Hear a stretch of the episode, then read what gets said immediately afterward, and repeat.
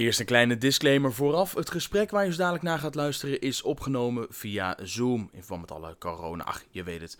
Maar daarom is de gesprekskwaliteit iets minder dan dat je van deze podcast gewend bent.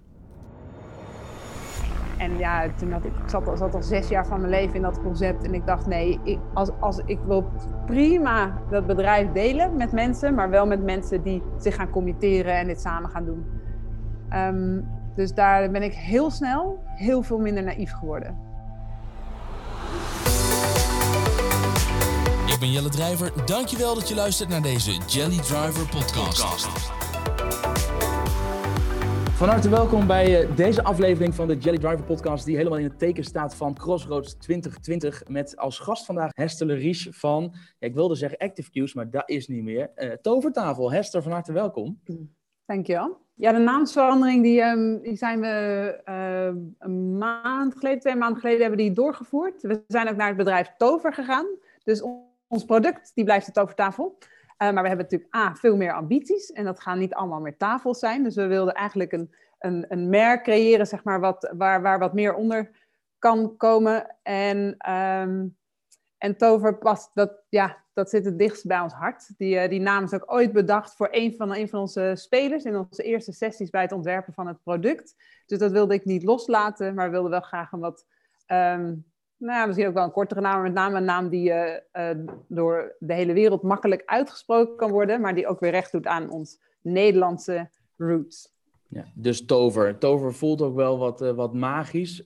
even terug naar de kern. Jij bent ooit met een, een scriptie was het, hè, uh, gestart. Kun je daar wat meer over vertellen? Want daar is uiteindelijk jullie product uit voortgevloeid, toch? Ja, precies. Ik ben uh, achtergrond is in industrieel ontwerpen in Delft. En daar ben ik ook met mijn PhD gestart. Eigenlijk direct na mijn studie. Ik uh, studeerde af in de vorige crisis. Dus er waren niet zo heel veel andere kansen. En dat gaf mij wel de kans om eigenlijk me vier jaar lang nog helemaal in mijn vakgebied vast te bijten. Maar ik kreeg ook een hele mooie kans, of eigenlijk een hele mooie vraag vanuit de, vanuit de VU, vanuit klinische neuropsychologie. Uh, je bent toch een ontwerper, kan je niet iets bedenken voor mensen met dementie? Want we willen graag dat ze meer bewegen. Maar die vraag en, uh, kwam van buitenaf. Ik, ik voel me dat af. Je had niet in je familie iemand met dementie of met Alzheimer, waardoor je dacht: hier moet ik, hier moet ik iets mee? Nee, er was wel een, een persoonlijke aanleiding. Dus ik, dus ik had een uh, afstudeerproject gedaan wat uh, gefocust was op ouderen van de toekomst. Dus dat was wat meer aan de visie-strategie kant. Um, en ik was zelf, uh, sport ik heel veel. Ik zou willen zeggen dat dat tegenwoordig tijd is, maar dat kan ik echt niet meer, kan ik niet meer hard maken. Maar dus, dus dat, zeg maar, die, die passie voor bewegen. En ik, deed, ik gaf ook best wel veel trainingen aan, aan en nou, allerlei, allerlei dingen met gezond leven. Dus eigenlijk kwamen die onderwerpen voor mij bij elkaar. En dat is ook, ik deed een... Um, een training voor, voor het windsurfen. Dat was mijn sport. Um, en daar heb ik iemand ontmoet die zegt: Je moet mijn professor leren kennen. Um, en zo is ook de link gelegd. Dus er zat een soort, uh, zat wel een, een, een, persoonlijk verhaal in. Uh, inmiddels heb ik het wel in mijn familie. Oh. Um, dus ja, de motivatie groeit, maar die groeit er sowieso. Ja, Jij komt zelf vanuit een technische achtergrond. En dan heb ik ooit een, een, een webdesignbureau gehad. En daar hadden we te maken met developers en ontwerpers. Uh, je hebt een technische achtergrond. Hoe, hoe is het om dan samen te werken met game designers? Het, is, het lijkt me toch een ander type mensen. Nou, ik denk eigenlijk van mijn bedrijf dat die game designers zitten nog het dichtst bij mij. Uh, ik ben een interactieontwerper. Dus we kijken heel veel naar mens-product interacties. En ik heb natuurlijk ook de. En in mijn uh, promotieonderzoek zat binnen de groep. Uh, wat eigenlijk helemaal met games te maken had. Dus daar heb ik dan denk ik een beetje uh, wat, wat, wat over geleerd tijdens mijn promotietraject. Wie in mijn bedrijf veel verder van mij afstaan zijn bijvoorbeeld de commerciële teams, de hele financiële wereld. Dat waren allemaal talen, joh, die, ik, die sprak ik helemaal niet. Dus als ik ergens zeg maar heb bijgeleerd na het uh, opzetten van mijn bedrijf, is dat meer aan die kant dan aan de game designers. Oké, okay. jij was bezig met je, met je PhD, met je scriptie en, en um, het, toen kwam het, het, de tovertafel uh, kwam daar uitrollen. Wanneer was het moment dat je besloot om daar zelf ook een bedrijf mee te starten? Was dat al voordat je daarmee begon of is dat echt, ben je tijdens je scriptie erachter gekomen, ja, dit moet er komen? Um, Nou, ik ging mijn PhD, ik had eigenlijk al opgebiecht dat ik geen wetenschappelijke carrière ambieerde. Dus ik ging mijn PhD ook doen om een product te ontwikkelen en om ja, eigenlijk voor de sociale missie die erachter staat. Ik wilde echt iets doen voor mensen met dementie. Wilde je ook echt al ehm, ondernemer worden op dat moment? Nee. Of had het... Oké. Nee joh, daar heb ik helemaal, had ik helemaal nooit over nagedacht. Oké. Ehm, en wat ik graag wilde, wat ik hoopte tijdens mijn PhD, dat ik, um, dat ik een product zou ontwikkelen of een concept ontwikkelen. Ik wist niet hoe ver we zouden komen. Uh, wat levensvatbaar was. Dus dat ik ook aan kon tonen dat het daadwerkelijk effect had wat we beoogden. En dat ik als het ware met dat concept onder mijn arm naar de uh, ontwerpbureaus kon gaan die, uh, die dus in 2009 mij niet meer wilden. en dat ik dan en een ontbaan had als ontwerper en dat mijn product naar de markt ging. Dat was mijn missie.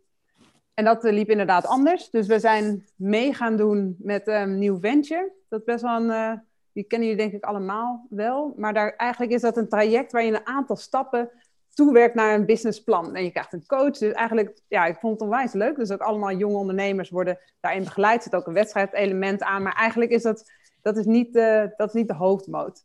En daarin kwam ik, uh, zat ik in een zaal met uh, echt honderden, allemaal hele, hele nieuwe ondernemers. Ik weet niet of ze allemaal heel jong waren, maar in ieder geval die allemaal net startend waren. En toen ik hun hoorde spreken, dacht ik, hm, dit zijn dus allemaal mensen met een onwijze visie, heel veel energie en heel veel overtuiging dat hun concept de wereld ging verbeteren of, of heel veel impact ging maken. Allemaal stond eigenwijs. Dus ik herkende me daar zelf heel erg in. Dus toen dacht ik wel, hm, misschien, ben ik, uh, misschien ben ik wel stiekem ondernemer. Misschien ben ik daar ook wel geschikt voor. Ja, toen ben ik het gaan proberen. En ben je toen alleen begonnen of met een co-founder? Nee, met twee co-founders. Dus we zijn tijdens een beetje aan het eind, nou, ja, een beetje richting het, einde van mijn uh, promotieonderzoek, toen ik eigenlijk aan het, het ontwerptraject begon, en met name het prototypen en het testen, ben ik samen gaan werken met, uh, met Monobanda, bij uh, de meeste van jullie wel bekend. Um, en zij maakte op dat moment eigenlijk een splitsing toen ik klaar was tussen wat meer een commerciële kant en wat meer de artistieke kant. En ik ben samengegaan met de commerciële kant. Dus zij wilde heel graag laten zien aan de wereld dat inderdaad spellen en de power of play een impact kan hebben in de maatschappij. En, uh, en ze waren natuurlijk al vanaf, nou ja, echt aan de wieg stonden ze van de tovertafel. En eigenlijk daarin zagen ze hun missie ook werkelijkheid worden en, en toekomst hebben. Dus uh, zijn, uh, zij zijn, we zijn samen begonnen met z'n drieën. Met Sjoerd Wennekes en Matthijs Koning. Misschien nog even heel kort. Ik, ga ik, doe, ik doe ik val zelf in de valkuil dat ik de aanname doe dat iedereen die kijkt precies weet wat de tovertafel is. Misschien kunnen we het nog kort even jullie product ook omschrijven. Wat hebben jullie toen bedacht? Um, we hebben bedacht dat we met eigenlijk hebben gekeken naar, naar welke spelervaringen zijn nog mogelijk in die laatste fase van dementie. En dat zijn er eigenlijk nog heel weinig, wat een hele leuke ontwerpuitdaging maakt. En wat ik daaruit uithaalde, was een van de dingen zijn sensorische prikkelingen. Dus ik wilde sensorische prikkelingen gebruiken om uh, fysieke activiteit te stimuleren. Nou had ik eerst een heel idee, helemaal mislukt. Uh, maar eigenlijk door middel van co-design methodes eigenlijk direct zeg maar, proberen te begrijpen met, met de eindgebruikers wat dit concept kon doen, zijn we op een, uh, eigenlijk, ja, een soort zijspoor terechtgekomen. En dat was door, door middel van het licht, niet dus geprojecteerd licht, op een eettafel um, maken we nu spellen. En dan heb ik heel erg met de, met de mensen met dementie uh, gekeken, wat is er leuk? Hoe, hoe werkt spelen met licht? Waar, waar gaan we van lachen? Wat begrijpen we niet? Uh, wat kunnen we daarin doen? Op welke type projecties reageren mensen? Sommige, ik had hele mooie abstracte uh, beelden gemaakt. Ik denk dat dat het eerste beste festival fantastisch gaat doen, maar echt nul respons. Dus dat soort dingen leer je door co-design en echt samen met de eindgebruiker. nou, we hebben wel honderd projecties geprobeerd en uiteindelijk hebben we daar zes dingen uitgehaald. Juist de meest huiselijke, bekende projecties als een strandbal, bladeren, uh, gezegden hebben eruit gehaald om de eerste zes spellen mee te ontwikkelen. En dat is inderdaad dus het overgooien van een bal. Um, het wegvegen van bladeren, spelen met visjes. Allemaal geprojecteerd op tafel. Ja, nou, nou zeg je net, jullie hebben het ontwikkeld um, samen met die eindgebruiker. Maar dat, en dat krijg je, dat hoor ik altijd bij, bij um, uh, startups al, als nou, les 1 ongeveer gaan met je klanten, je eindgebruikers in gesprek om op die manier te toetsen of dat of, of dat je nou een oplossing Mhm. voor een bestaand probleem eh, hebt bedacht of niet. Dat lijkt me bij jullie doelgroep best ingewikkeld. Hoe hebben jullie dat aangepakt? Ja, dat klopt. Kijk, we hebben, ik kom natuurlijk helemaal uit de school van co-design. Industrieel ontwerpen, dat is, eh, dat is echt een van de ja, meest onderwezen, of in ieder geval een hele belangrijke ontwerpmethode. Dus, eh, dus dat op zich was die stap best wel, best wel logisch. Maar je leest ook in de literatuur, en eigenlijk is het ook heel erg voor, vanzelfsprekend, dat een heel veel co-design methoden helemaal niet kunnen bij mensen die eigenlijk nog zo weinig func- functies van hun eh, brein kunnen aanspreken. En wat ik daarmee bedoel is, we gebruiken heel vaak props en eh, lo-fi eh, prototypes. Dus bijvoorbeeld heb je een blokje en zeg je, nou, dit is een telefoon. Hoe zou je hem vasthouden? Maar als je een blokje geeft aan iemand met dementie, die zegt, dit is een blokje. Weet je wel, dus, dus allemaal dat soort dingen kunnen niet. Dus waar wij, ehm, eh, wat, wat er voor nodig was, was dat de prototype eigenlijk al eruit zag alsof het het product was. Kijk, het hing letterlijk van touwtjes en houtjes en duct tape aan elkaar aan het plafond. Maar de projecties waren natuurlijk gewoon projecties. We zijn niet eerst met plaatjes of met tekeningen gaan uit gaan beelden wat projecties kunnen doen. Dus het, het belangrijkste was is dat, ehm, dat het heel realistisch moet zijn. En dat je ook op het moment zelf eigenlijk al je analyse doet. Dus je kan ook niet zeggen achteraf van, nou, mevrouw, wat vond u ervan? Ja, waarvan? Want heel, Ja, ja. Zeg maar de groep met Ja. wie ik werkte, is, de, de, de geheugen zijn, zijn soms minuten. Misschien wel soms wel seconden op bepaalde momenten. Dus je kan helemaal niet eh, vragen hoe iets was. Of een verwachting ontlokken van, joh, wat zou je hiermee gaan doen? Dat, dat, dat bestaat Ging je dan in gesprek met de begeleiders, bijvoorbeeld met de Ja. zorgprofessionals die daar omheen zaten, en met familie Ja. om te kijken hoe, wat zien zij gebeuren bij hun eh, eh, cliënt of, eh, of, of geliefd familielid? Ja, precies. Dus we hadden zowel het zorgpersoneel was altijd daar, ook om, want we deden natuurlijk ook iets nieuws met een groep wat nog nooit was geprobeerd. Dus ik had ze daar ook sceptisch? om. eh, Niet. Ehm, nou, we hebben ook voor elke sessie moesten wij ehm, eh, bij alle familieleden toe- toestemming vragen. Dus voor elke playset set die wij deden in die eerste periode, moesten we toestemming vragen. En ik weet nog dat de eerste, nou, peentjes weten, ik hele presentatie gemaakt waarom we dit gingen proberen. En toen kreeg ik als eerste vraag van, die, van familieleden terug, oké, nou, oké, dat klinkt wel interessant. Hoe reageerden de andere ouderen erop? Zo, nee, jullie ouders zijn echt de guinea pigs. Dat zijn de allereerste mensen die hiermee in aanraking Oké. komen. Ik heb geen idee. Maar de tweede en de derde, dus we hadden voor de veiligheid van de bewoners, om gewoon in de gaten te houden van, hey, gaat het goed? Lopen we, weet je wel, eh, ontstaat er onrust? Gewoon om dat af te dekken hadden we eh, met het personeel, dus de zorgprofessionals daarnaast, maar ook om de reacties meteen on the spot te, te interpreteren voor ons. En eh, achteraf hadden we, we maakten filmbeelden die we natuurlijk alleen lieten zien aan, aan familieleden. Ja, toen we, de eerste reacties waren zo bizar enthousiast. De, ik weet nog toen hij aanging, toen begon iemand echt keihard te schateren. Dus toen ik dat terug kon laten zien, toen was daar eigenlijk heel veel angst was in één keer weg. Sterker nog, op het eind kreeg ik eh, cadeautjes, heel schattig, om eh, als bedankje van, oh wat leuk dat je onze ouders zo gezellig hebt entertained al deze weken. Dus het, Oh, het sloeg in het hele traject helemaal om. Maar goed, ik had natuurlijk wel, wat dat betreft, de mazzel. Dat, het, eh, dat de reacties leuk waren. Niemand is boos geworden. Niemand is daar heel erg van ontregeld. En dat was wel bijzonder, denk ik. Want je, eh, we weten uit de literatuur dat eh, mensen met dementie best sensitief zijn voor overstimulatie. Maar blijkbaar was dat het feit dat het alleen visueel was. En ik gebruikte ook toen nog helemaal geen geluid. Was blijkbaar voldoende om dat ook zelf enigszins te kunnen toe te laten. Of in ieder geval, we hebben, we hebben niemand over de kling gejaagd, zou ik maar zeggen. Heel goed. Ik ga Desiree even het woord geven, want dat is het leuke eh, via Zoom dat het gewoon kan. Ehm, ik ga eerst Desiree vragen of ze wil unmuten. En dan zet ik even in de spotlight. Voor de mensen die dit als podcast horen, dit wordt opgenomen via Zoom eh, en, niet eh, zoals normaal in de studio met microfoons, want corona, let's don't go there. Maar het kan dus zijn dat Desiree en überhaupt iedereen die nu hoort iets blikkeriger klinkt dan normaal zou zijn.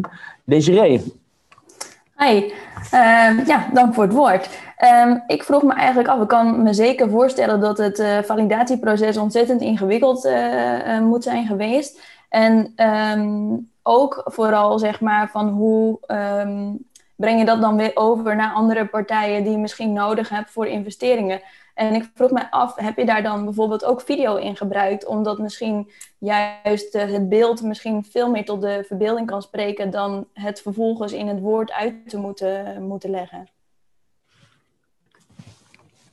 Um, ja, het zijn een hoop vragen. Ik probeer ze allemaal te doen. En dan je mij even zeggen of ik uh, alles heb geantwoord. Um, het valideren was inderdaad, is inderdaad complex. Want je moet het allemaal in de vrije of de natuurlijke omgeving doen. Dus dat is, uh, want ja, anders, anders weet je niet wat je meet.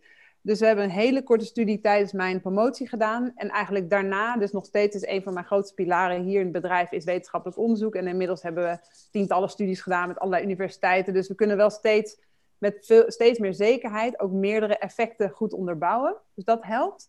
Ik denk ook altijd dat beeldmateriaal uh, uh, veel sterker is dan elk verhaal wat ik ook vertel. Ik kan nog zo enthousiast doen tegen jullie, maar uiteindelijk wil je zien wat er gebeurt. Dus daar ben ik het um, ook helemaal mee eens. Wij, en een stukje over investeerders. Wij, wij hebben geen investeerders. Um, dus wat dat betreft heb ik het uh, ook nog nooit hoeven te verkopen. Um, we gaan wel een investeringsronde in begin volgend jaar. Dus dan neem ik je tip mee. Ik zal er zeker een video in mijn investor deck zetten. Gelijk mag ik daar dan nog even op inhaken met een vraag. Want is het dan aan het begin dat de VU jouw supporter, zeg maar, um, met de financiële middelen? Of hoe is het dan zo gekomen dat je, dat je het eigenlijk dus zonder investeerders hebt gered? Um, ja, kijk, wat heel veel beginnende bedrijven natuurlijk hebben, is heel, een heel lang RD-proces, wat, wat enorm veel geld kost. En dat was natuurlijk eigenlijk mijn promotieonderzoek. Dus in die zin kan je zeggen dat uh, zeker dat de TU Delft, en we zijn gefinancierd door uh, het CRISP, Creative Industry Scientific Program, dat zij eigenlijk het grootste deel van mijn RD hebben gefinancierd door middel van, die, uh, door, door middel van dat PhD. En op dat moment uh, toen, we eigenlijk, toen ik daarmee klaar was, heb ik uh, een hardwarepartner gevonden die eigenlijk mij de hardware die ik nodig had kon leveren. En ik had, uh, nou, inmiddels had ik dus Mona Banda aan boord die de software opnieuw kon programmeren. Dus eigenlijk maakte ik geen kosten voordat ik die eerste tovertafel verkocht. En dan, dan komt de truc met de Nederlanders. We hadden 5% korting als je vooraf betaalde. Dan denk je van, nou, dat kan helemaal niet in de zorg, want zo zit het niet ingeregeld. Iedereen in dat eerste jaar heeft dat gedaan. Dus um, dat is toch geniaal. En, ja. dat het zo werkte. En um, dus ik heb letterlijk, ja, het klinkt allemaal zo, zo kneuterig om het zo achteraf, maar het was heel leuk. Uh, dus ik had die, eerst, die eerste paar duizend euro binnen en toen heb ik uh, flyers gedrukt. We konden op een event gaan staan, al moet ik wel zeggen, die eerste tijd heb je nog zoveel gunfactor dat je wel op veel plekken een beetje gratis uh, er binnen kan wurmen. En met de tweede overtafel heb ik bijvoorbeeld um, uh, iemand ingehuurd die me kon helpen aan beetje aan de marketingkant. Uh, ze is nog steeds trouwens, dus dat is als, onze eerste persoon ook op ons payroll. Maar dat kwam pas wat later, want dat durfde ik aan het begin nog helemaal niet. Dat vond ik doodeng. En um, wie ik heel snel heb aangehaakt, eigenlijk de eerste persoon, die heb ik een hele commerciële, hele sterke persoon, want dat zat helemaal niet in mij. En die was, had ik op commissiebasis die zei van ja, ik begrijp ook wel dat je niks hebt. Dus uh, we gaan eerst die dingen verkopen.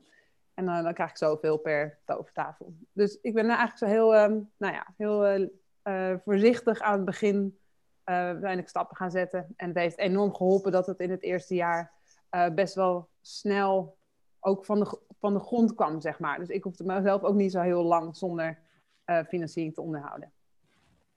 Nou heb je natuurlijk ehm, inmiddels een bedrijf met, wat is het, 70 man? Uh, ja, richting, hè? Zoiets, om en nabij. Ja. Je had net als jij de eerste op de payroll. Een eh, heel spannend moment, denk ik, voor elke ondernemer om de, je eerste echte personeelslid aan te nemen. Welke, hoe was dat voor jou? Was het spannend? Of heb je het op een gegeven moment, dacht je, wie adviseerde jou toen de tijd? Vertel eens wat meer over zeg maar, het van start-up naar, ja, je bent nu met recht van een scale-up.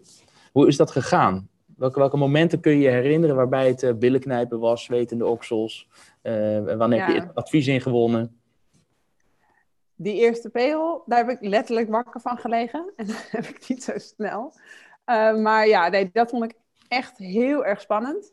Um, um, en ik, nou, wat mij enorm heeft geholpen is dat, dat ik heb een aantal mensen om me heen die ondernemers zijn. Dus mijn broer, uh, mijn beste vriend, mijn vader is niet echt ondernemer, maar heeft wel een bedrijf geleid. Dus die, die, die gaven me niet alleen feedback uh, op wat ik uh, had bedacht. Of de vragen die ik stelde, als niet alleen antwoord. Maar ze gaven me ook ineens een soort, ik denk een omgeving waarbij het um, ja, uh, haalbaar werd. Of bijna vanzelfsprekend werd. Dat, um, nou, dat als je het gaat doen en gaat proberen en eigenlijk alle kennis die je onderweg nodig hebt, die trek je erbij, dat het, dat, het, dat, dat het wel gaat lukken. En wat ik um, heb gemerkt is dat er zijn echt heel erg veel mensen die het gewoon heel leuk vinden om, om ondernemerschap te praten of over design of over mensen in de dementiezorg. Er zijn natuurlijk enorm veel professionals die, die heel gepassioneerd zijn over hun vak. Dus als jij een vraag stelt, echt kleine kans dat je terugkrijgt van uh, geen zin in. Gaan we weer naar huis mij zien. Dus dat, dat gebeurde helemaal niet. Dus ik heb eigenlijk op heel veel vlakken. Uiteindelijk is ook degene, uh, dat ontwerpbureau waar ik eerder over vertelde, waar ik graag wilde werken, waar ik niet terecht kon de, de oprichter zit nu in mijn raad van advies. Gewoon puur omdat hij ook enthousiast was over het product. En ja, ook met zijn kennis wil bijdragen aan de missie die we hebben. Dus ik denk dat um, heel veel vragen stellen authentiek zijn in je nieuwsgierigheid. Maar dat is volgens mij elke ondernemer. En er zijn echt veel maar mensen die ook, willen ook dus kwetsbaar op durven stellen. Dus kwetsbaar Ja. op durven stellen ook dus. Ja, ik vraag alles. Nog steeds. Ik heb net gezegd, eh, ik snap 70% van wat je zegt. eh, kan je het nog een keer uitleggen? Ja, schaamteloos. Ja, en toch denk je dat heel veel mensen dat spannend vinden. Dat ze het idee hebben, ik moet al die terminologie kennen, ik moet al het jargon kennen. En, als ik vraag waar staat, weet ik veel, eh, TRL voor of zo, dat, denk ik, ja, dan zal ik wel een domme sukkel zijn, want iedereen verder knikt alsof ze het allemaal snappen. Eh, ho- hoe ging, oh, ja, je zegt gewoon eh, niet generen, gewoon vragen en die authenticiteit wordt alleen maar gewaardeerd. Ja, dat denk ik echt. En, ehm, en, en ja, nogmaals, mensen vinden het heel leuk om het uit te leggen wat jij niet begrijpt. En, en weet je, iedereen heeft zijn eigen achtergrond. Kijk, wat dat betreft had ik misschien ook wel een veilige positie, want ik eh, was, had helemaal geen bedrijfskunde gedaan. Dus ik hoefde helemaal niks te weten van eh, ondernemerschap of, of financiering. Ik kwam altijd met mijn, met mijn, ik ben een nerd en ik, wil dit, ik wil dit leren. Ehm, maar ja, ik denk, eh, ik weet niet, ja, is er een reden om je te generen? Volgens mij, volgens mij ik Heel zie het echt niet. Nee, heel goed. niet. Ik ga het woord geven aan eh, eh, JP. Als die. Ja. even kijken. Yes, JP, shoot. Ja, ik, eh, Hester, ik heb een vraagje voor je. Ik ken jullie verhaal natuurlijk eh, van redelijk van het begin. En eh, je had het net even over investeerders. En ik weet dat er een bepaald moment was dat, jullie, dat het echt ging lopen, dat de verkoop goed liep, dat jullie team aan het groeien was. En dat was typisch een moment dat eh, veel mensen een investeerder erbij halen. En dat hebben jullie. Ik weet ook dat ze volgens mij bij jullie in de rij stonden. In ieder geval, zo zei Shoot het eh, destijds. Ehm, en jullie hebben toen besloten om dat niet te doen. En eh, nu hoor ik dat je dit wel van plan bent komend jaar. Ehm, kun je uitleggen waarom je toen niet hebt gedaan en nu wel overweegt? Ja, ja, absoluut. Daar heb ik ook eens over nagedacht. Ehm, nou ja, kijk, met, natuurlijk het verkoop van de tovertafels, dat, dat ging zeker in, in Nederland en ook in geen enkele markt overigens zo goed als in Nederland hoor. Dus dat was eh, helaas niet helemaal het precedent, maar we zijn wel best snel in omzet in die eerste drie, twee, drie jaar eh, gegroeid en ook qua team. Eh, en ik was dus dat groentje, die nerd, die ineens een bedrijf ging bouwen en dat maar zag als één groot ontwerpproject, want anders werd ik wist ik niet waar ik moest beginnen. Ehm, en wat ik, hoe ik het heb ervaren, ehm, is dat die, die omzet die we maakten, dus ook hoeveel, hoe hard we konden groeien, dat dat bijna een beetje onze natuurlijke grens was aan de snelheid die we gingen.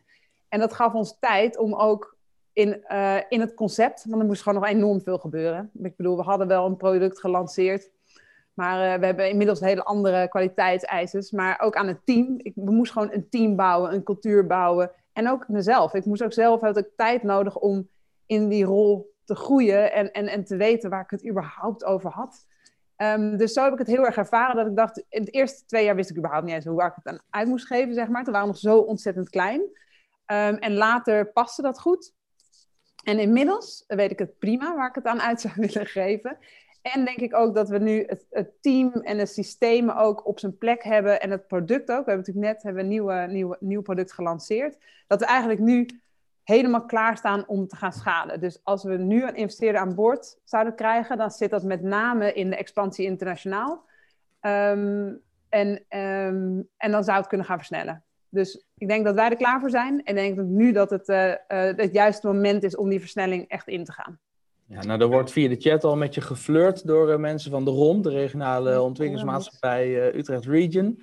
Dus uh, daar wordt gezegd, voor een investering kan je TST ook zeker bij de ROM Utrecht Region inventariseren naar de mogelijkheden. Dus Joyce die ziet haar kans nu al schoon. Nee hoor. we hebben afgelopen week ook een, een sessie gedaan met de mensen van de ROM, met, met Joyce en Suzanne over de verschillende eh, financieringsmogelijkheden, eh, met voornamelijk het POC-fonds en het ehm, participatiefonds. Dus er liggen zeker ehm, eh, mogelijkheden bij de ROM. Tom die vraagt over dat verkoopproces. Waar begint nou voor, Tom, voor Tover de funnel? Zijn dat gesprekken met gemeentes, verzorg, uh, zorginstanties of anders? Onze funnel begint eigenlijk bijna altijd met de zorgmedewerker. Dus uh, zij zijn degene die online of op een beurs of op een andere manier dat filmpje dus zien. En denken van wow, dit, dit, kan ik, dit zou iets voor mijn bewoners kunnen betekenen. Dat heeft ook veel meer, dat heeft een veel, denk ik, een directere resonantie, zeg maar, dan met bijvoorbeeld het management of met een technische dienst of met een, uh, uh, misschien wel zelfs met een overheid. En um, op dat moment, we zijn eigenlijk net geswitcht van, of we zitten in een soort overgang, hoe we ons sales bedrijven, bedrijven, omdat we natuurlijk ook in de corona zitten en we helemaal geen zorginstelling meer in mogen. Dus wat wij deden was eigenlijk, wij gingen, voor alles gingen wij langs. Dus we gaven demonstraties, we, we hingen hem op, we gaven nog twee maanden lang training. Dus eigenlijk, uh, we hadden heel intensief contact met, met alle nieuwe klanten en ook huidige. En dat, is, dat, ja, dat, dat kan niet meer. Dat kan voorlopig niet. en we weten ook helemaal niet in de toekomst wanneer dat weer wel zou kunnen en op welke manier. En of dat niet met een volgende griepseizoen weer ingedampt wordt. En dat heeft ook nog wel wat andere redenen, omdat um, andere landen, zeker minder dichtbevolkte landen, bijvoorbeeld Australië, kon dat überhaupt al niet. Noorwegen was het eigenlijk geen optie. Dus er was sowieso best wel wat druk op ons om um, eigenlijk de manier van verkoop, ons businessmodel te herzien. En dit gaf ons de, nou ja, de urgentie om dat ook echt door te voeren. Dus wat dat betreft hebben we zeker een aantal stappen heel veel sneller gezet, uh, juist door de coronacrisis. Um, Geeft dat een beetje antwoord op je vraag? Kan, weet niet. Even kijken of ik uh, Tom zijn webcam. Uh, even kijken. Ja, uh, Tom. Ja, ik zie Tom knikken, dus dan is het goed. Ja. even kijken. Ik heb, we hebben van tevoren ook aan de kijkers gevraagd om wat, wat vragen op voorhand in te sturen. Die pak ik er nu bij een aantal zijn al um, aan bod gekomen. Ik, ik, kijk even naar de vragen die Desiree van tevoren heeft ehm, ingestuurd. Uh, ja, zij zegt, de zorg lijkt me een trage, lastige sector, of lijkt me, is, zegt ze, een trage, lastige sector om binnen te innoveren. Welke adviezen heb jij daarover? En zie je dat er een branche-specifieke do's en don'ts zijn? En misschien is het wel leuk om deze nog even te vragen waar deze mee bezig is en uh, van waar deze vraag. Want volgens mij, Desiree... Ja, uh, ik ben zelf ook net begonnen eigenlijk met mijn eigen bedrijf. Um, ambient well-being. En uh, ik ontwikkel een, um, een, multisensorische ademende oplossing die mensen helpt bij het ontstressen, maar ook het te versnellen van het herstelproces van een burn-out of stressgerelateerde aandoeningen. Dus vandaar dat ik natuurlijk ook uh, met name heel erg geïnteresseerd was in uh, jouw, uh, jouw pitch of dit event. En dus ook van hè, wetende dat het een lastigere branche is, um, daar ook heel erg benieuwd naar. Van, hoe, hoe heb je dat ervaren? Tips en tricks voor deze ree? Nou, hij is zeker herkenbaar. Ook wel de zorg of het zou lukken hoor. Want ik weet nog dat toen wij natuurlijk, ja, zeker in die beginfase, ik zei dat we met heel veel mensen spraken en ideeën pitchten. Het feit dat je een product van uh, best wel een aantal duizend euro in een zorgomgeving met oog op welzijn lanceert. Is, uh, ik denk dat meer, menige persoon ons uh, daar twijfels bij had en ongetwijfeld gegrond. Ik heb denk ik een aantal dingen als misschien wel eens punten in, in, die, in die route gehad wat, wat zekerheid gaf. Dus ik had van het zorgpersoneel zelf um, kreeg ik terug, uh, je bent de eerste die niet kon vertellen wat wij nodig hebben, maar vraagt waar we behoefte aan hebben. Dacht ik, oké, die, uh, nou, A, ik stop met mijn zak. Maar B, ik ga hem ook onthouden, want blijkbaar resoneert dat enorm. Dus dat komt, dus ik was uh, nou, het hele co-design opleiding bij TU Delft des te meer dankbaar. Maar dus, en dan komen we ook wel weer eigenlijk wel weer terug aan die vraag stellen. Dus niet alleen aan, aan andere ondernemers, maar zeker ook aan de zorg of ja, de omgeving waar jij in gaat opereren zelf. Um, wat ik ook wel zie, want daarna was natuurlijk inderdaad mijn zorg was van ja, goh, die, die budgetten zijn zo krap, gaat daar wel ruimte voor zijn? En dat valt me eigenlijk heel erg mee. Dus wat wij, uh, wij hebben natuurlijk, wij hebben ook een product ontwikkeld voor mensen waar eigenlijk weinig producten specifiek voor worden ontwikkeld. Dus er wordt echt wel ontworpen voor dementie, maar als je daarnaar kijkt, dan zijn het eigenlijk vaak producten wat eerder in de, in, uh, in de ziektebeeld of ja, eigenlijk bijna geen product focust op die laatste twee jaar waarin in mensen eigenlijk uh, al zo ver achteruit zijn. Dus er was, er was eigenlijk ook wel een gat in, uh, in het aanbod voor mensen die, um, die werken op een PG-afdeling, dus op een gesloten afdeling. En ik denk dat wij dat konden vullen. Dus zij hadden ook eigenlijk een bestemming voor dat misschien wel krappe budget, maar er was wel een bestemming voor. Er was iets om mee te doen en iets nieuws. En dat vinden nou, veel mensen natuurlijk hartstikke leuk en spannend. Um, we zien ook altijd aan het einde van het jaar een piek. Want dan moeten de potjes op, want anders krijg je volgend jaar minder.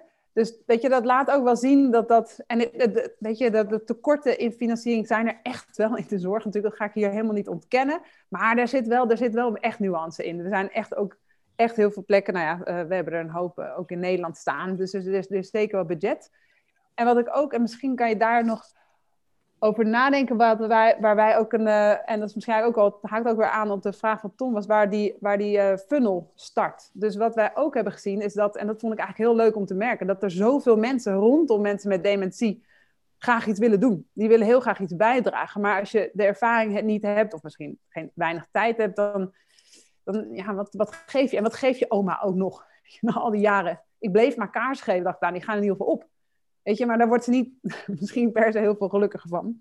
Dus wij weten, er zijn ook ongelooflijk echt ontelbaar veel en, uh, initiatieven geweest om geld in te zamelen. En de allereerste, die kan ik me nog goed herinneren, dat was poffertjesbak voor de tovertafel. Nou, mijn hart smolt. Maar dus, dus er zijn, weet je, dus als je dat op de een of andere wij hebben toen ook uh, eigenlijk bijna meteen een crowdfunding platform zelf gebouwd op onze website zodat we ook um, het geld inzamelen met marathons en uh, nou, allerlei dingen, zeg maar, wat, wat konden ondersteunen. En mensen inspireren om dat te gaan doen. Dat gaat natuurlijk ook, nou, het gaat een beetje als vliegwiel natuurlijk werken. Um, maar daar kan je ook, ook mee aan de slag. Of het misschien iets is wat je als cadeau geeft, of waar je uh, op een andere manier financiering voor aanvraagt, kan ook. Dat, uh, we hebben ook veel gehad. Waardigheid en Trots was een fonds die heel veel tovertafels heeft gesubsidieerd, of in ieder geval een bijdrage heeft geleverd. En dat heeft geleverd en dat heeft ons en de zorginstellingen enorm geholpen. Ja, want je, je, noemde op een gegeven moment al wel een, een paar duizenden euro's. Um, een van de vragen van uh, Marjolein Bogman was: waarom geven jullie geen indicatie van tarief op jullie website? Ja, de belangrijkste reden daarvoor is dat we heel graag in gesprek willen met uh, mogelijke klanten, zeg maar. Dus kijk, we zijn natuurlijk een, uh, in onze categorie waren we, of waren een nieuwe categorie. We, we was nog niet zoiets als, als dit soort spelachtige producten voor mensen in die laatste stadium van dementie. En uh, wij waren, ja, wij verwachten, en dat hebben we niet getest, dus ik weet niet of, ik, of het waar is overigens, maar wij verwachten dat als er meteen een prijs bij staat, dat het misschien nog wel eens afstrikt van, hey, dat is wel hoop voor zes spelletjes aan het begin. We hebben inmiddels wat meer. Um, en eigenlijk wilden we graag in, in gesprek van, hey, wat, wat heeft jouw zorg, of wat heeft jouw groep nodig? En waar, hoe kunnen we daarbij aansluiten? Maar ook van, oké, nou, dat, als het budget lastig is, joh, dan hebben we nog, dan is bijvoorbeeld het waardigheids- en trotsfonds wat vaak, wat vaak helpt. Of we hebben een crowdfunding platform. Dus eigenlijk om in gesprek en zeg maar, die toegevoegde waarde nog iets meer uit te diepen, zeg maar, dan dat je op het eerste moment of het eerste uh, uh, idee misschien wel hebt. En om ook meteen mee te kunnen denken als, um, als dat budget te krap is voor dat jaar. Oké. Okay. Bianca, uh, jij hebt ook een vraag. Ik ga je het woord geven, dan kan je hem zelf stellen. Dat is net zo leuk misschien nog wel leuker. Ja, heel leuk, dankjewel. Um, ja, ik ben een collega van Joyce van de ROM. Ik werk voor Team Internationaal en wij helpen natuurlijk ook ondernemers uit Utrecht uh, ja, met hun uh, buitenlandplannen op weg te helpen. En um, ja, jullie zijn natuurlijk ook uh, inmiddels in meerdere landen ook succesvol. Um, ik weet nog, jullie eerste beurs was in Keulen op de Gamescom. Daar waren we ook nog, toen hebben jullie ook nog support. En ja, wat zijn jouw do's en don'ts voor ondernemers? Want juist die learnings zijn echt ontzettend waardevol. Voor het, voor in, het internationaliseren van de business. Ehm, ja, ik, ik denk dat ik wat twijfels heb over onze eigen timing. Dus, dus, en ik weet, nog niet, ik weet nog niet zo goed of ik nou vind dat we juist een goede timing of niet zo goede timing. Maar daar, vind ik, daar ben ik. Daar, daar zou ik eigenlijk wel zelf veel meer over willen leren. Want kijk, we, zijn, we hadden een innovatie en die ga je op een gegeven moment uh, doorontwikkelen en doorontwikkelen. Maar het is niet alleen het product zelf. Het is ook de software en ondersteunende services. Het is je eigen team die support moet bieden, ook aan partners in het buitenland. En ik denk wel eens dat we enerzijds dat we, dat we misschien wel wat te vroeg naar het buitenland zijn gegaan. Dus dat we eigenlijk nog uh, te veel kinderziektes hadden. Het gewoon nog net niet, ja, dat het gewoon nog niet professioneel genoeg was. Dat, ik denk echt wel dat we in dat eerste jaar wel we hebben behoorlijk aan het pionieren geweest. Allemaal super charmant als je achteraf over praat. Maar het moet ook af en toe onze partner echt tot het waanzin hebben gedreven. Anderzijds gaven zij ons wel de kans, zeg maar, om en ons product in een vroeg stadium ook uh, aan te passen. En, en, en met, met verschillende markten uh, samen na te denken over wat dan de richting van het product moet zijn. Of daar uh, mee door te werken. Dus het heeft ook ons ongelooflijk veel geleerd. En het heeft ook ons de middelen opgeleverd om, uh, om, om door te groeien. En dat heeft dan in ieder geval die investeerder weer uh, nog een paar jaar uit, uitgesteld. Dus ik heb laatst een keer het advies gekregen van iemand, don't scale shit. Ik denk niet dat ik daar zelf helemaal, uh, heb ik wel een beetje schuldig aan gemaakt, denk ik. Um, maar ja, het heeft ons ook wel echt kansen geboden. Dus snap je, ik vind, ik vind het nog wel lastig of ik daarna, of ik het, of, of ik het als ik het nog een keer zou doen, of ik dan hetzelfde zou doen kan me wel voorstellen dat het misschien al een jaar later is. Met, het hele, met de hele trits. En, um, en waar ik nu, waar ik wel enthousiast over ben, is dat we in verschillende landen verschillende type partners hebben. En dat, uh, dat hangt soms van, het hangt soms van toeval af, dus wie kom je tegen? Het hangt af van de markt, dus, dus wel wat, wat voor partner vinden we geschikt. Maar het, het ligt, wat ik er ook graag van wilde leren, was van wat past nou bij ons? Waar hebben we de meeste uh, resultaat mee? Wat vinden we het leukst om samen te werken? Wat geeft ook het meest input terug naar onze producten, naar ons onderzoek? En daarvan zijn we nog heel veel aan het leren. Dus we werken zowel met eigenlijk start-ups die uh, uh, opgericht worden om de tovertafel te verkopen. En dan heb je natuurlijk een hele intieme samenwerking. Je hebt heel veel impact over hoe zij hun, ons verhaal vertellen, maar zelfs hun bedrijf bijna inrichten. Dat zal helemaal getuned zijn op hoe ons businessmodel in elkaar zit. En anderzijds hebben we ook een enorm gave partner in Australië, die qua visie heel dicht, dat was echt nou, een match made in heaven. Maar ze hebben ervaring van zoveel meer producten. Ze hebben natuurlijk een infrastructuur. Ze kwamen ook heel snel met uh, alternatieven om dus op afstand producten te verkopen. Ze hebben een concept, dat heet de Traveling Tovertafel. Dus die gaat letterlijk in een uh, flight case uh, met een standaard er naartoe. En dan krijg je een filmpje hoe je hem op moet zetten. Mag je hem een week proberen en dan travelt hij weer naar de volgende zorginstelling. Um, en dat, daar, leren wij, daar leren wij ook van. Dus, um, dus ik, zou, ik zou absoluut wel... Kijk, ik kan me voorstellen dat sommige businesses het, het meer evident is wat voor type partner je hebt. Dat weet ik niet. Um, maar voor ons hebben we daar echt keuze in gehad. En, uh, en het, ik, ik, denk dat het, dat het goed is geweest dat we ook een aantal dingen daarin hebben geprobeerd. Wat was voor jou nou de allermoeilijkste fase als je terugkijkt op je ondernemersloopbaan tot nu toe? Hmm. Ik vind, ik vind deze wel. Ik vind dit jaar natuurlijk wel een uitdaging. Ook wel, heel, ook wel qua werk een heel, ook wel heel leuk jaar, moet ik zeggen. Omdat we een hele grote stap hebben gezet. Um, wat is het moeilijkste? Ik denk dat we een wat moeilijke fase hebben. Dat als je. Um, nou ja, je, je wordt op een gegeven moment. Je een heel. Een, een team van 8 tot 10 is. Uh, ja, is één groot feest. Ik deed het ook allemaal op afstand. Dus dat waren uh, ik, ben, ik woon in Kaapstad en ik ben dus ook vanuit Kaapstad in Utrecht begonnen met mijn bedrijf. Dus uh, dat beeldbellen de hele dag, dat doe ik al jaren. Het, het went echt, het went echt. hou, hou vol. Hou vol, ja. um, en ik, ik weet nog dat, zeg maar, dat, dat eerste team, die kende ik ook die kende ik veel beter. Een aantal die, ah, dat waren mijn beste vriendinnen van vroeger. En, uh, en met wie ik altijd met wie die samenwerkte. Dus je kan wat mij, en ik weet niet, ik, weet niet of jullie dat ook zo ervaren, prima met mensen op afstand samenwerken. Als je elkaar kent en je begrijpt hoe iemand reageert en dat soort dingen. Dus ik vond dat eigenlijk, eigenlijk prima. Wat ik op een gegeven moment zelf lastiger vond, is dat ik steeds meer relaties moest gaan bouwen online. En dat werd wel lastiger. Toen dacht ik van ja, kwam ik op een event en toen waren we echt nog niet groot genoeg om dat te legitimeren. En ik, ik, ik zag twee meiden staan en ik wist eerlijk gezegd niet zo goed wie het waren, maar ze hadden wel mijn badge om. dacht ik, hm, is niet zo elegant. Dus toen, uh, het was echt vrij gênant. Uh, en echt nog niet nodig. En toen besefte ik wel van, oké, dat, dat uh, een, ik denk dus een start-up opbouwen, zeker als je goede mensen op de plek hebt, ging voor mij eigenlijk heel, heel goed. Ik ging wel zes keer per jaar naar Nederland om op bepaalde momenten er te zijn. Maar dat ging eigenlijk goed, maar het werd op een gegeven moment, um, ja, ga je, ga, je, ga je gewoon relaties missen. Um, en, en kan je ook minder geven aan het, aan het team als je hier bent. Als ik hier dan twee weken was en, en 50 mensen, ja, die, waar je iets, dan, iets nieuws mee wil beleven, zeg maar, of een discussie mee wil hebben, dat, dat past gewoon niet. En je zei al dat, dat, dat op afstand werken en videobellen, et cetera, dat werkte, uh, of dat went heel snel. Daar is ook een van de vragen van uh, Marjolein op uh, ingezonden op voorhand. Hoe werkt nou die online demo van jullie? En is het overtuigend genoeg? Of merk je dat organisaties het product toch echt eerst live willen zien en, en willen kijken hoe hun eigen doelgroep daarop reageert? Ja, het wordt een teleurstellend antwoord. Dat weet ik eigenlijk echt nog niet.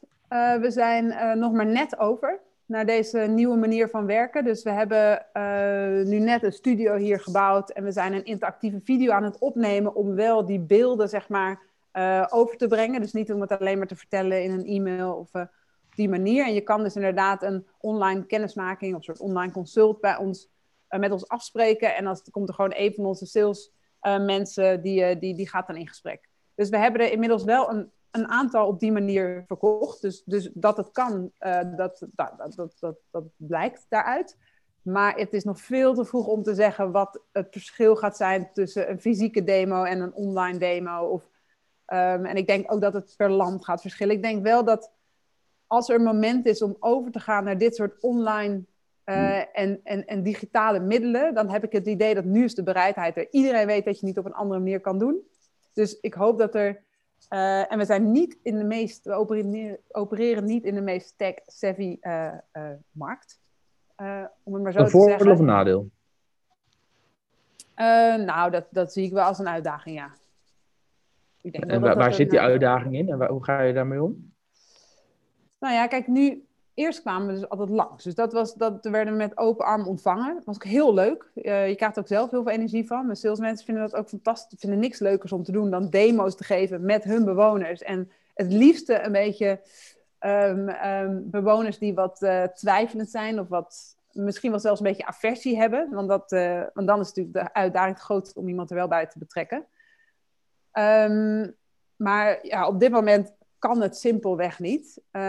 en we, we, weten dat in zorgomgevingen zijn, zijn bijvoorbeeld wifi-aansluitingen, zijn, zijn er gewoon een uitdaging. Er is natuurlijk altijd een tijdsgebrek, zeg maar. Dus om iemand dan bereid te krijgen of, of te enthousiasmeren om zo'n online demo in te gaan. Of we hebben dus nu ook onze training, die wij twee maanden lang kwamen elke, elke week langs. Om te helpen bij de implementatie van het product en van de activiteit in hun zorgroutine.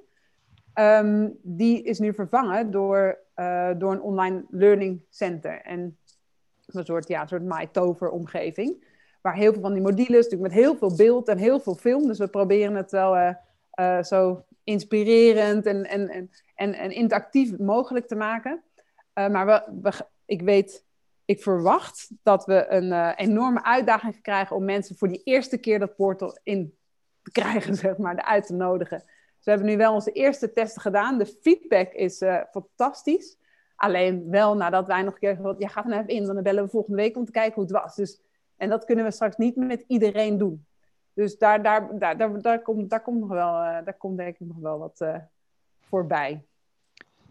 En nu, nu gaan jullie op een gegeven moment toch op zoek naar investeerders. Nou misschien komt het ook een beetje omdat ik in de dot-slash wereldje zit, maar ik hoor wel heel veel investeerders die vooral willen investeren in software, in SaaS-oplossingen, et cetera. Hoe is jullie voor die, voor die model en hoe, hoe zie je dat? Want jullie hebben ja, natuurlijk ook gewoon hardware, maar is bijvoorbeeld die spellen, gaat het op licentie of heb je een soort leasecontract? Kun je een abonnement nemen op Tover? Hoe, ziet jullie voor die model eruit? Waar komt het geld vandaan, plat gezegd? Um, nou, ook daar zitten we in een transitie. We hebben eigenlijk alles omgegooid in de laatste drie maanden. Ik denk wel echt dat we een soort nieuwe versie Waarom? Het was toch al succesvol? Ja, maar we willen, we willen graag naar een, uh, naar een SaaS-model. We willen graag naar een, uh, een subscription model. En we weten dat in de zorg de budgetten die uh, zijn op zo'n manier vormgegeven dat ze eigenlijk altijd een lump sum geld hebben. Of het nou hun eigen budget is, of dat het een donatie is van iemand die die marathon rent. Het is eigenlijk bijna altijd één op zich staand bedrag. Maar wat daar, dus dat is op zich helemaal niet zo ingewikkeld om, of de, het lukt dus goed om daar tovertafels van te kopen. Alleen wat wij in ons model zat, dat je, je kocht een tovertafel met negen spellen. We hebben inmiddels per doelgroep ongeveer 30 spellen. En dan, en dan eh, dachten we, nou, dan kunnen we die losse spellen gaan verkopen als mensen meer variatie willen of meer doelstellingen mee willen bereiken. Um, dus als we die tovertafel verkochten, moeten die spelletjes ook wel, ook wel lukken. Maar waar we tegenaan liepen, is dat je uh, enorm veel uh, moet investeren om, om zo'n zorginstelling nog een keer door die hele beslissingsloop heen te krijgen, zeg maar. Dus inderdaad weer die zorgmedewerker die, die bedenkt het. Die moet dan nog wel met haar, waarschijnlijk haar collega's, bedenken welk spel het wordt. En dan moet er eigenlijk al die, nog een vinkje hier dan moet daar nog een budget. Dus het is, het is en voor, voor ons heel veel investering om, om meer spellen te verkopen. Maar het is ook voor, voor het zorgpersoneel zelf enorme leuren en sleuren als er een keer zo'n spelletje bij moet. Dus, en waar Ga je naar een soort Netflix, een soort, soort on-demand voor, uh, voor spellen toe? Ja, en dat kwam eigenlijk uh, ook wel echt door die, door die coronacrisis. Ik, ik, ik heb gemerkt dat je door de, ineens je hele context verandert. Je bijna zelf met verse en kritische ogen naar je eigen bedrijf kan kijken. En ik had dus met Matthijs en Sjoerd over. En ik zei, ja, eigenlijk, eigenlijk klopt het hele model klopt niet met de kern van ons bedrijf. Want we zijn, zijn er, dit bedrijf is er, om impact te maken in die zorg. Om het zorgpersoneel te inspireren voor, uh, voor andere activiteiten. En we hebben hier een heel team. 40% van ons team is uh, product development. Allemaal onderzoekers, ontwerpers, game designers, uh, software developers. En elke dag zijn we maar spellen aan het ontwikkelen. En dan, sowieso zit nou eenmaal het systeem in elkaar. Op die kastjes staan alle spellen. Maar je hebt alleen maar toegang tot 9, omdat je niet meer betaalt. Toen dacht ik, ja, dat is eigenlijk een slecht verhaal. Dus dat, hebben we omgedraaid. Dus toen hebben we gezegd van ja, eigenlijk willen we toegang tot alles wat we maken. En ook in de toekomst. Dus ook content die we maken, um, uh, data, feedback die we, die we nu aan het ontwikkelen zijn. Die zitten bij de volgende update voor het eerst bij. Dat je wat, wat meer informatie krijgt over hoe, hoe jij jouw tovertafel gebruikt. Um, dus dat hebben we allemaal opengezet en daar een prijs bij bedacht. Dus Heb dat, dan ehm, ook een soort open, open source model waarbij ik kan me voorstellen dat bij JP, bij Dutch Game Garden, zat gameontwikkelaars zitten die het tof zouden vinden om games voor de tovertafel te ontwikkelen. Waarbij ze dan ook, uh, weet ik veel, als het gebruikt wordt, ik denk even aan een mhm. muzikant op, uh, op Spotify, een kickback krijgen over de maandelijkse fee of zo, afhankelijk van de populariteit. Weet ik, hoe, hoe, hoe gaat dat? Kan iedereen een tover game ontwikkelen? Indienen? Um, nee, nog niet. Maar we zitten zeker wel eens um, die kant op te filosoferen. Maar ik moet eerlijk bekennen, het is nog niet heel veel verder gekomen dan filosoferen. Ik denk dat het, het heeft, um, het heeft an, andere dingen hebben als prioriteit gehad. Dus ik denk ook dat we onszelf eerst uit moesten vinden. En ook ons eigen product echt goed moeten begrijpen. Um, en ook, we moeten wel met z'n allen uh, een soort, bijna een soort common knowledge hebben. Zeg maar, hoe je spellen voor mensen in de laatste lijn van dementie of mensen met een verstandelijke beperking, of kinderen met een autisme spectrumstoornis. Dat moet wel bijna, ook die kennis moet dan toegankelijk zijn voor, voor ontwerpers om het juiste spel te maken. Je kan het wel een beetje cureren, maar we hebben er niks aan als er een soort in het wilde weg ontworpen wordt. En je moet tegen 80% zeggen, ja sorry, maar hier wordt iemand heel erg uh, verdrietig van of heel erg uh, onzeker van. Dat, daar, dus, ik, dus ik denk wel dat er, het lijkt me heel gaaf, dat kan ik even zeggen. We zijn er alleen nog niet. Zie je P knikken, die vindt het volgens mij ook heel gaaf. Nou, ik, ik snap denk ik wel, omdat bij Hester's product ook nog uh, de validatie op de doelgroep uh, essentieel is. Dat je, waarschijnlijk hebben jullie bepaalde gevalideerde designprincipes intern die je hebt uit ervaring. En een externe ontwikkelaar heeft dat niet in één keer, die snapt dat niet. Die weet niet uh, hoe snel licht mag bewegen, hoeveel dingen, nou, whatever, alle dingen waar ze gek van worden. Dat hebben jullie waarschijnlijk een heel lijstje. En dat, dat een nieuwe designer zou al die beginnersfouten weer maken, denk ik. Ja. ja, denk ook. Maar ik denk wel dat je dat dus deels kan oplossen door al die kennis toegankelijk te maken. Ja. En, dan, en dan eigenlijk ook um, al meteen een route voor het valideren doen. Dus dat, uh, of dat wij ze allemaal valideren, of dat, ze dat, ook, dat we dat ook bij ontwerpers zelf laten.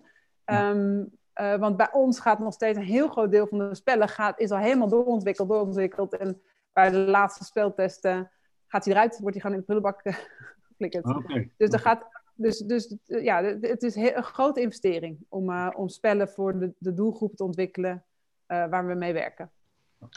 Toch nog even terug naar helemaal het begin toen je net startte. Je vertelde net al, die eerste medewerker op de payroll aannemen was echt nou, slapeloze nachten zelfs. Uh, daarna heb je meerdere mensen aangenomen. Marjolein vroeg zich af, welke medewerkers heb je nou als eerste aangenomen om je team te vergroten en waarom die skills of die mensen?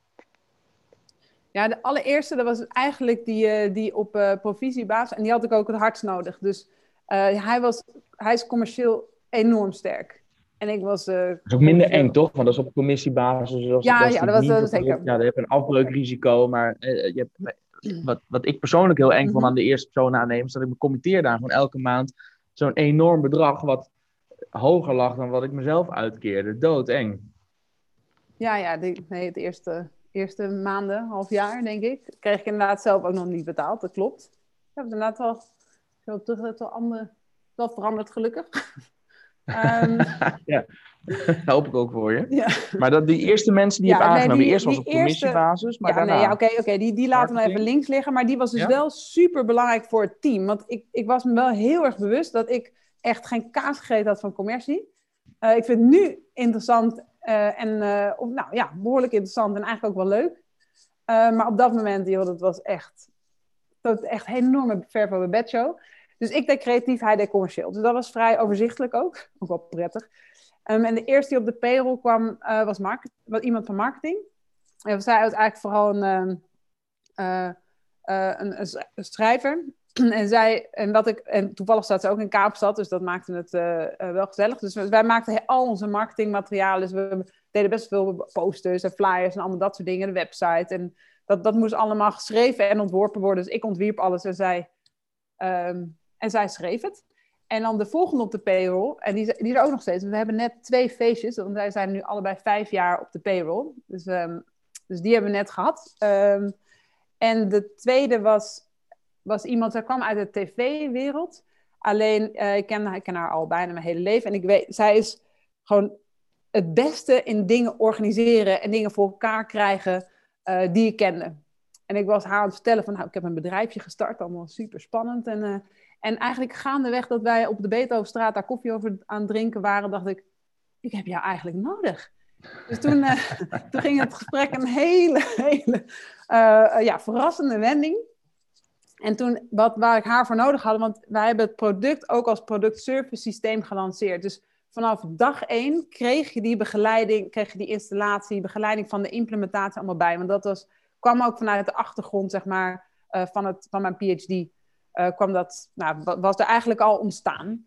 Uh, dus ik had iemand nodig die dat ging regelen. Dus die met, uh, die, we, hadden, we noemden het buddies. Dus dat waren allemaal jongeren die dan op nul uren contract al die trainingen deden. En zij zorgden dat alles werd geïnstalleerd en terug teruggehaald als er iets mis was.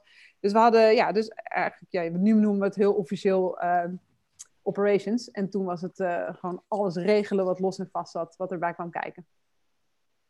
Als je nu kijkt naar je team, leef je dan meer zeg maar, uh, bij de dag? Of kijk je echt heel ver vooruit als het gaat over het, bouwen aan je team en het aannemen van mensen? Um, ik kijk niet vaak genoeg ver vooruit als dat ik zou willen. Want ik vind dat eigenlijk het allerleukste wat, het, wat er is. Om weer plannen te maken naar de toekomst en daarover na te denken. Dus we hebben nu net een... Uh, een verandering in de, eigenlijk 1 december gaat het, uh, gaan we over naar net iets andere structuur. En daarin, um, dus komt wel een laag bij. Uh, maar daardoor krijg ik wel veel meer ruimte om, uh, om me daarmee bezig te houden. Dus waar we kijken zeker naar, naar vooruit. Ik heb ook, we hebben ook een visie hoe de verdeling ongeveer, hoe we uiteindelijk de verdeling in het team voor ons zien. Dus inderdaad ongeveer 40% product development, 40% commercie en, en 10% operation en 10% ondersteunend. Dat is een beetje zo grofweg waar we, waar we heen willen. En ik denk dat dat heel goed staat voor hoeveel producten en spellen en applicaties we willen ontwikkelen. En ook hoe de ambities die we hebben in nieuwe markten, zowel regionale markten, maar natuurlijk ook de, de kindermarkt, staan we eigenlijk nog helemaal aan de voet of op de drempel, zeg maar, om dat te verkennen. Dus daar zit, daar zit die, die, dat zwaartepunt bij commercie.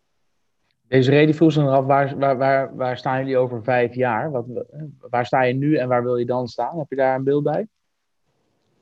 Dan moet ik nog steeds meer over die plannetjes nadenken. Wij, wij, wij doen vijf jaar plannen, doen we niet aan. Want uh, vijf jaar geleden had ik dit ook nooit kunnen bedenken. We, we denken wel in drie jaar plannen, als dat ook mag, van DCG. Fijn. Ja, ze knikt, het mag. Ja, ga door. Oh, dat komt goed, goed weg. Nee, over drie jaar willen we, um, willen we onder, andere eigenlijk twee, uh, in twee werelden opereren. Dus waar we, we werken nu natuurlijk eigenlijk met name in de zorg. En met uh, ons product voor de kinderen zijn we eigenlijk steeds meer naar het onderwijs aan het bewegen. En dat is wel zowel uh, speciaal als of gepast of passend onderwijs als het reguliere onderwijs. Maar ik wil eigenlijk in die ontwikkeling zeg maar, van jonge kids wil ik um, meer gaan doen. Dus die komen naast elkaar te staan.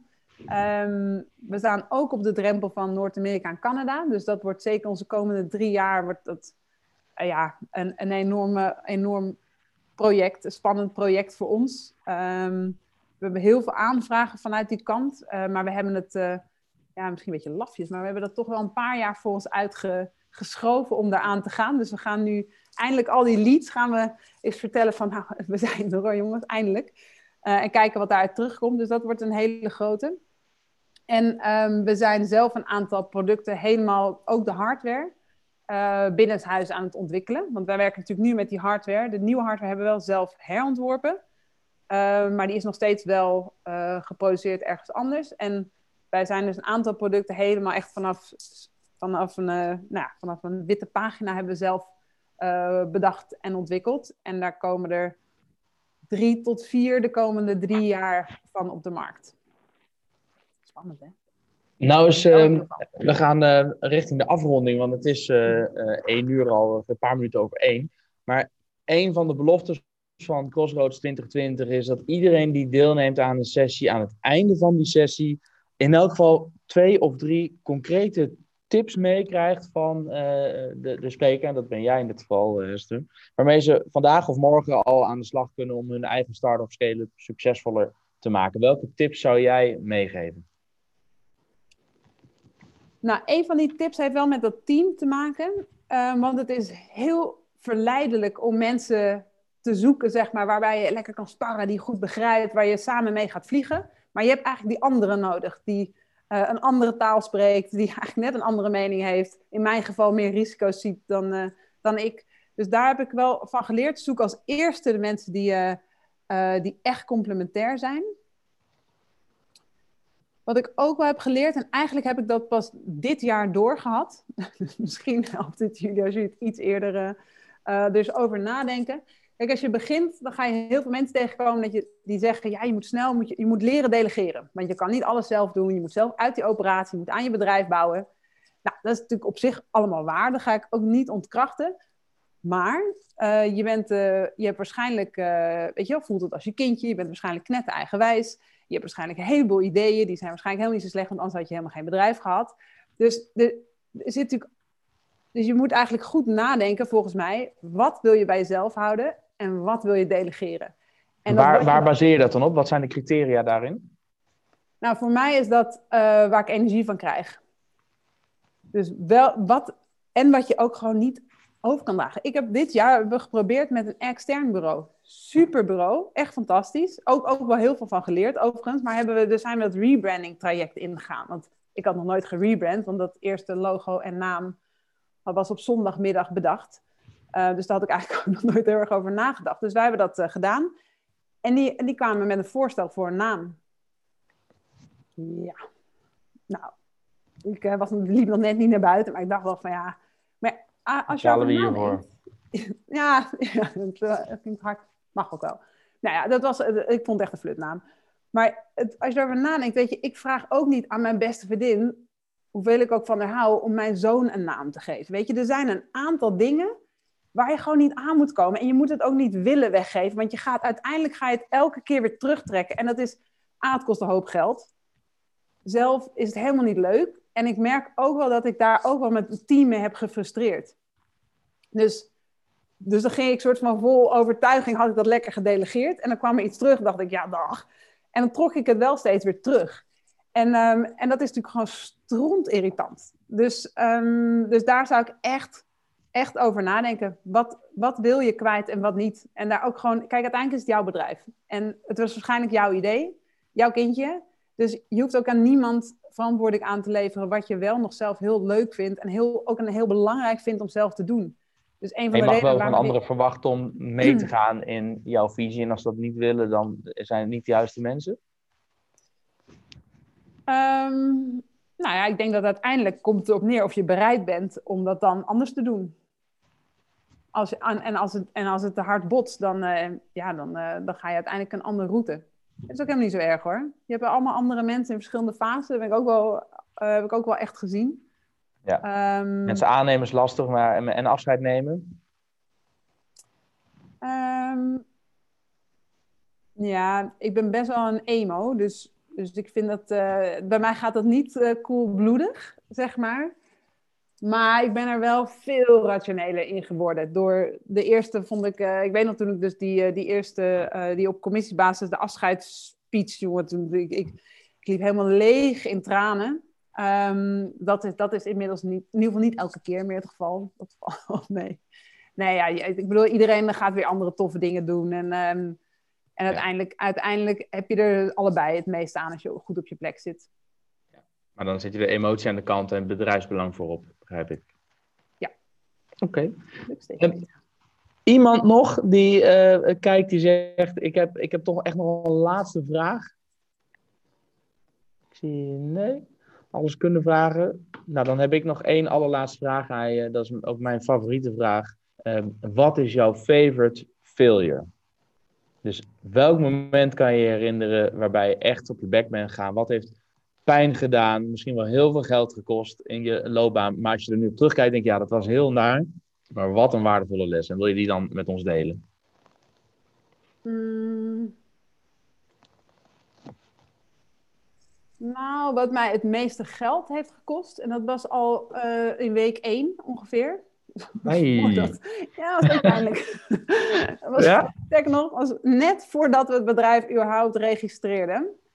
Ehm, ik was gaan samenwerken met iemand waar ik enorm veel energie van kreeg. We zaten helemaal op één lijn, hoe wij mee kunnen sparren. Alleen wat wij niet hebben uitgesproken van tevoren was de verwachtingen in commitment. En toen gingen we het eh, over aandelen hebben. Dus ik dacht, nou, met Monobanda, die persoon en wij, dus dat soort nou ja, vierluik of eh, een, een drietal, hoe je het bekijkt, eh, gaan wij met z'n allen diezelfde schouders onderzetten. En ik had er enorm veel behoefte aan. Hè? Ik was er ook gevoelig voor op dat moment, want ik kwam net uit zo'n promotieonderzoek. Super saai, Remy, vier jaar lang eh, door eh, af en ook stugge materie gebuffeld. Dus ik had heel veel zin om met een team dit nu, de volgende fase in te gaan. Ehm, dus ik ben er eigenlijk veel te snel een soort van ingerend. En toen kwam ik ergens, vlak voor tekenen, kwam ik erachter dat ehm, hij dat helemaal niet zo zag. Hij, wilde, hij, ja, hij was aan het begin, had, advies gegeven. En heel, heel, heel waardevol advies hoor, dat, eh, eh, absoluut. Maar hij wilde niet gaan werken in het bedrijf. Hij wilde eh, graag ja, een soort, weet je, op adviesrol of een soort stille aandeelhouder zijn. En, ja, toen had ik, ik zat, al- zat al zes jaar van mijn leven in dat concept. En ik dacht, nee, ik, als, als, ik wil prima dat bedrijf delen met mensen, maar wel met mensen die zich gaan committeren en dit samen gaan doen. Ehm, dus daar ben ik heel snel heel veel minder naïef geworden. Ook wel een beetje jammer misschien. Hester, mag ik je namens iedereen die erbij was, maar ook namens iedereen die dit gesprek nog gaat terugzien op eh, YouTube of terugluisteren via Spotify of iTunes, enorm bedanken voor je tijd en voor, eh, voor je ondernemerslessen. Eh, fijn dat je dat met ons wilde delen. Ik wens je ongelooflijk veel succes met Tover. Ik vind het een, een prachtig mooi product. En eh nou, 10 miljoen was de missie toch? 10 miljoen glimlachen? 10 miljoen mensen Ja. lachend elke dag? Wat was het? We moeten er nog een paar. Heel goed. Zet hem op. Succes. Super bedankt.